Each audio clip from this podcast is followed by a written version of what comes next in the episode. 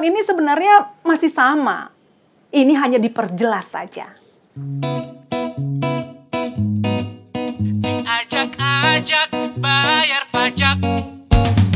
Selamat datang hei kawan pajak. Diajak-ajak bayar pajak. Hey hey hey. Yuk dengerin hei kawan pajak. Diajak-ajak bayar pajak. Hey hey hey. Mari kakak, lihat-lihat dulu kakak Sudah banyak perkembangan isu pajak Kapan lagi bahas pajak bisa sambil ngakak Sambil ngerujak atau sambil gendong anak. Dengar dulu yuk, info gratis kok gak mau? Di follow dulu, gak ketinggalan melulu Ajak-ajak bayar pajak ini konsep baru. Simak dan hayati kelak negeri kita maju. Selamat datang hei kawan. Pajak Diajak-ajak bayar pajak. Ajak, bayar pajak. Yuk dengerin kawan pajak Diajak-ajak bayar pajak Ajak, bayar pajak Halo kawan pajak, kembali lagi bersama saya Ani Natalia, Kasubdit Humas Perpajakan Direktorat Jenderal Pajak di podcast Ajak-Ajak Bayar Pajak. Di episode kali ini, apa yang akan kita bahas? Apalagi kalau bukan mengenai peraturan terbaru yang ramai sekali dibicarakan di masyarakat karena dipikir ada pajak baru.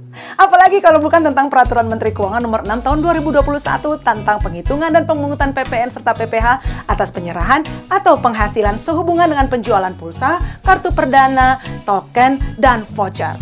Saya mau kasih tahu, ini bukan jenis pajak baru. Sebenarnya apa sih tujuan diterbitkannya peraturan Menteri Keuangan ini? Ada beberapa tujuan diterbitkannya aturan ini. Yang pertama, memberikan kepastian hukum.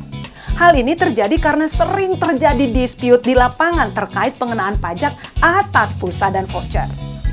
Kedua, menyederhanakan administrasi dan mekanisme pemungutan PPN atas penyerahan pulsa. Seperti yang kawan pajak ketahui, penerbitan faktur pajak atas transaksi pulsa yang menggunakan sistem elektronik atau server real time dan frekuensi cepat sering kali menimbulkan permasalahan dalam administrasi PPN. Yang terakhir adalah memperkuat basis data distributor tingkat pengecer. Hal ini dilakukan untuk mempermudah pengawasan terhadap distributor pulsa tingkat pengecer. Lalu bagaimana ya penerapan PPN dan PPH atas kegiatan ini? Simak terus ya. Untuk pulsa dan kartu perdana, pemungutan PPN hanya sampai distributor tingkat 2 saja. Sehingga untuk rantai distributor selanjutnya, seperti dari pengecer ke konsumen langsung, tidak perlu dipungut PPN lagi. Sehingga mekanisme pemungutan PPN-nya diperpendek, di mana sebelum ada aturan ini, ini sampai ke pengecer. Untuk token listrik, PPN dikenakan hanya atas jasa penjualan atau pembayaran token listrik saja yang berupa komisi atau selisih harga yang diperoleh agen penjual token. Jadi bukan atas nilai token listriknya ya. Kawan pajak, ketentuan ini sebenarnya masih sama. Ini hanya diperjelas saja. Begitupun untuk voucher.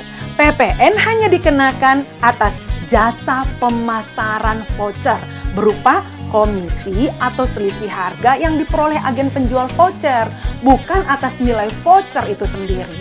Hal ini dikarenakan voucher diperlakukan sebagai alat pembayaran atau setara dengan uang yang memang tidak terutang PPN.